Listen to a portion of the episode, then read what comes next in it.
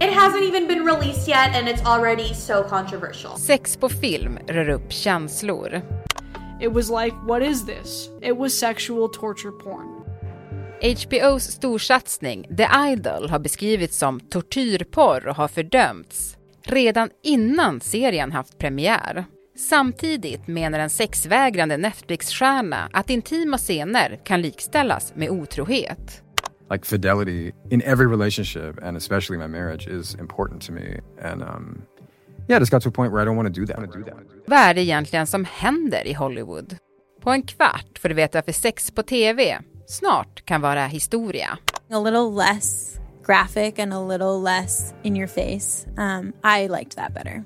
Det är fredag den 10 mars. Det här är Dagens Story från Svenska Dagbladet. Med mig, Alexandra Karlsson.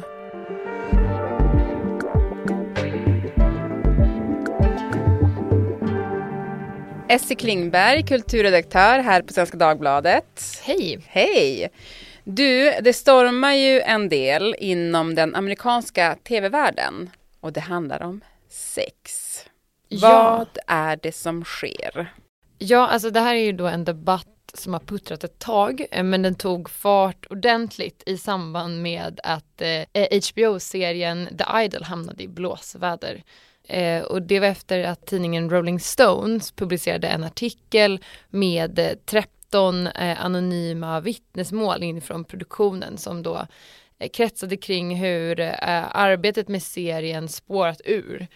Eh, citat. Mm. Eh, och, och den här kritiken den, den har två delar. Det ena handlar om en, en dålig arbetsmiljö med ett pressat schema. Men det som har gjort eh, att The Idol blivit en stor nyhet är då kritiken mot seriens innehåll. Eh, man kanske ska nämna då handlingen. Ja men precis, för vad handlar The Idol om? Ja, eh, det kretsar då kring en ung eh, glamorös popartist spelad av Lily Rose Depp. Mhm. Känd som eh, Johnny Depps barn, eller? En favorit nepo baby skulle man kunna säga. Hon faller för en manipulativ nattklubbschef spelad av popstjärnan The Weeknd, så det är väldigt stjärnspäckat. Och han visar sig snart driva en Illuminati-liknande sekt. Fuck them and fuck them good. Los Angeles is where all the monsters of the world come together. Trust no one. Just me. I feel like everyone's losing their minds. Men du, The Idol då, det är ju en serie som inte ens har haft premiären. Så den här stormen har kommit innan premiären. Ja, det har ju inte hindrat någon från att ha en åsikt tidigare. Eh, nej men på, på nätet så bojkottas nu den här serien av unga fans och det har fått många att ifrågasätta huruvida sex ska finnas på tv och under vilka omständigheter det, kan accepteras. Ja men för att om man ska förstå kritiken där då, så är det ju inte som jag förstår det då mot själva arbetsvillkoren när de spelade in filmen. För där kan man ju tänka sig att det skulle kunna finnas kritik. Utan det är för själva det spelade sexet. Ja, alltså eh, huvudrollsinnehavaren Lily Rose Depp har ju själv intygat att inspelningsmiljön var säker och respektfull. Så det är ju snarare att eh, kritiken handlar om hur den här sortens sexskildringar och kanske då framförallt skildringar av destruktiva relationer är förlegade, att man eh, romantiserar våld.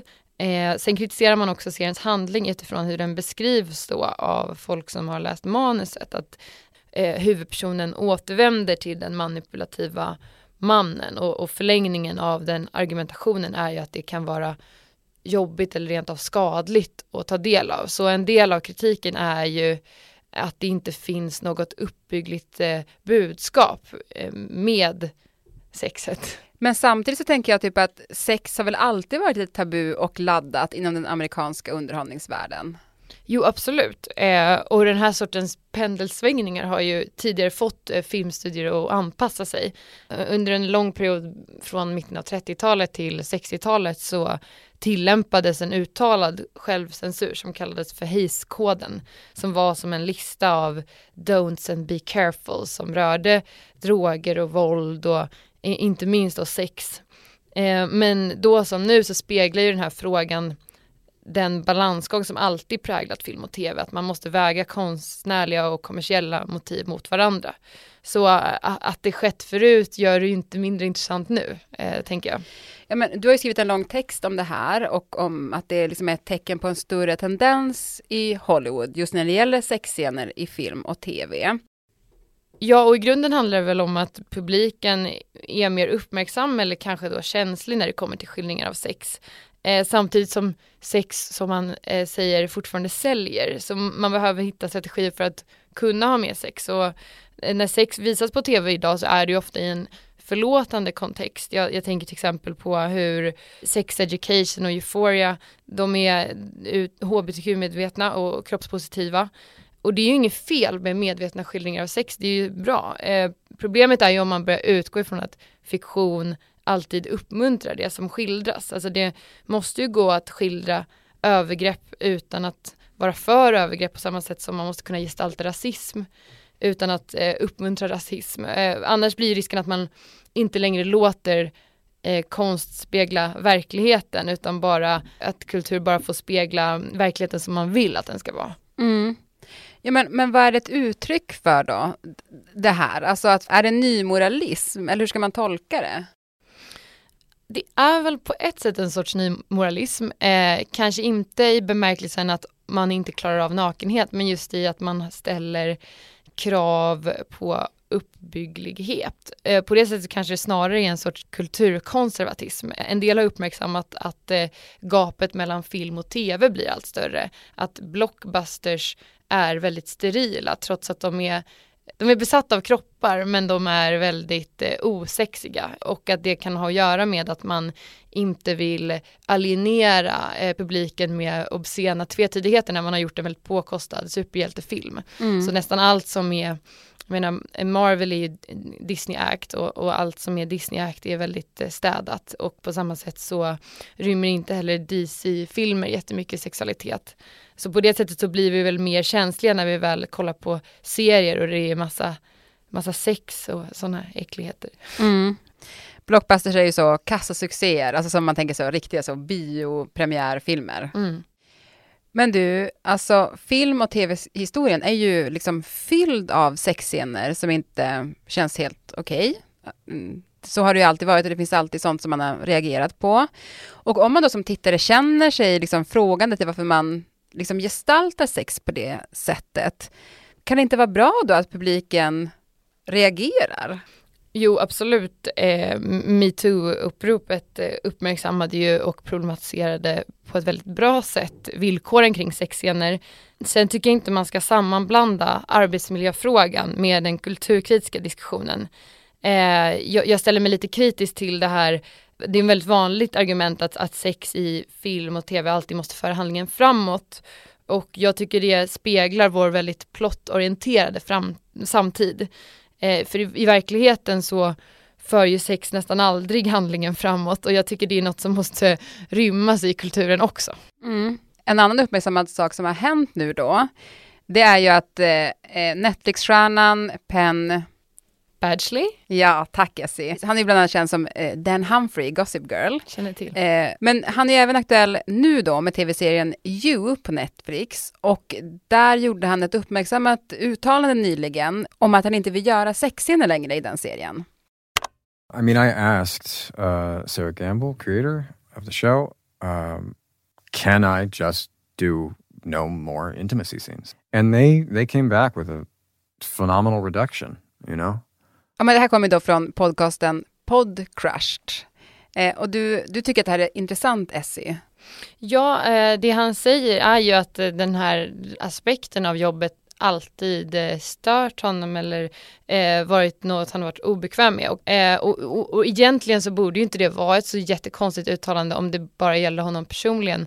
Men reaktionerna har ju eh, varit jättestarka och folk kanske tar det som ett intyg eller en bekräftelse på att eh, sex på tv är jämfört, jämförbart med riktigt sex. Mm. För han, han jämför det lite grann med otrohet, eller att han vill inte vara otrogen mot sin fru då. Vi kan, vi kan lyssna på en liten bit där han pratar om det. It's really important to me to, to like fidelity in my in every relationship, and especially my marriage, is important to me. And um, yeah, it just got to a point where I don't want to do that. Och då tänker jag, det blir ju lite speciellt eftersom att han ju ändå är skådis och en skådis agerar ju. Ja, det har ju många invänt också att hans, eh, hans rollfigur är ju en mördare. Det ska man ju inte liksom glömma bort att det finns ju värre saker som händer i, i You. Mm. Samtidigt så, så tangerar ju, själva känslan han beskriver tangerar något som många andra skådisar vittnat om. Sarah Jessica Parker vill inte göra sexscener, Keira Knightley vill inte göra sexscener längre. Och eh, jag hittade också ett uttalande av, av Julia Roberts eh, angående det här som hon sa att när citat då, när jag har kläder på mig så är det skådespeleri, när jag är naken så är det en dokumentär. Så på ett sätt så sätter ju hela den här frågan om sexscener, den eh, ställer hela diskussionen om fiktion och autenticitet på sin spets. Alltså vågar vi lita på att publiken förstår vad som är på låtsas? Eller finns det en sorts kanske medial, jag vill inte säga en medial inkompetens, men en, en medial förvirring som, som ställs på sin spets när det kommer till just sex. Mm. Ja, och nu verkar det som att den här eh, svårigheten då att skilja verk och verklighet, eller fiktion och verklighet, verkar ju även ha drabbat skådisar. Ja, det är stor förvirring.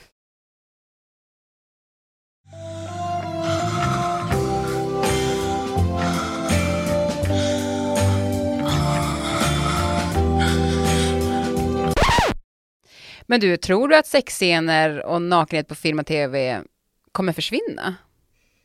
Jag tror absolut att den här sortens drev kommer göra att beställare blir mer försiktiga redan på idéstadiet. Alltså film och tv är ju en, en dyr bransch och också en rätt ängslig bransch.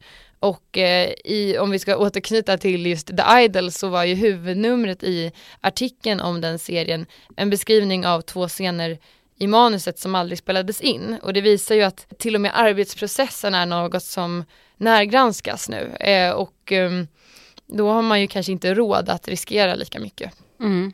Men du, vi vet ju sedan tidigare att du är liksom filmvetare. Så du måste ju tycka då att det är ett ganska tråkigt sätt att se på konst, det här nya sättet, eller? Ja, jag är, jag är filmvetare på samma sätt som kulturministern är eh, litteraturvetare. Okay. jag har pluggat film, absolut. Och jag tycker att det är, det är ett lite tråkigt sätt att eh, förhålla sig till eh, konst. Eh, men det är en väldigt underhållande debatt, särskilt när man börjar ta argumenten på allvar och faktiskt eh, försöka utröna vad det är som upprör människor. För det säger något om vår tid. Mm. Men du, om man går till Sverige bara snabbt, alltså hur går dialogen här? Finns det några sådana strömningar?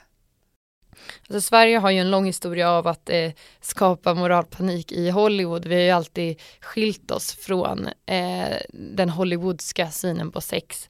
Både Nyfiken gul-filmerna och, och Sommaren med Monica eh, orsakade ju liksom stor debatt där. Så jag tror inte att det ligger nära till hands att se den sortens självcensur från från svenska avsändare. Däremot så är ju nästan allt vi tar del av kommer ju från USA och med tanke på det inflytande som Netflix och HBO har över vårt, kultur, eh, vårt kulturlandskap så är det ju intressant.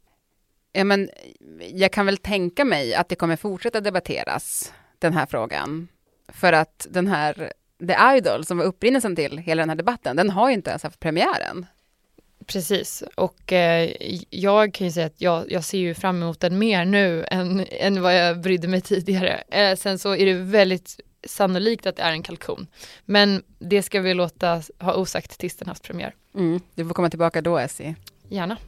Tack så jättemycket för att du var med i Dagens Story. Tack för att jag fick komma.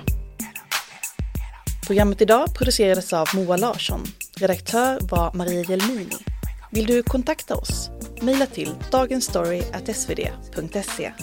Klippen kom från podcasten Podcrusher och HBO-serien The Idol. Låtarna som spelades var Je t'aime moi non plus med Serge Gainsbourg och Sexual Healing med Marvin Gaye.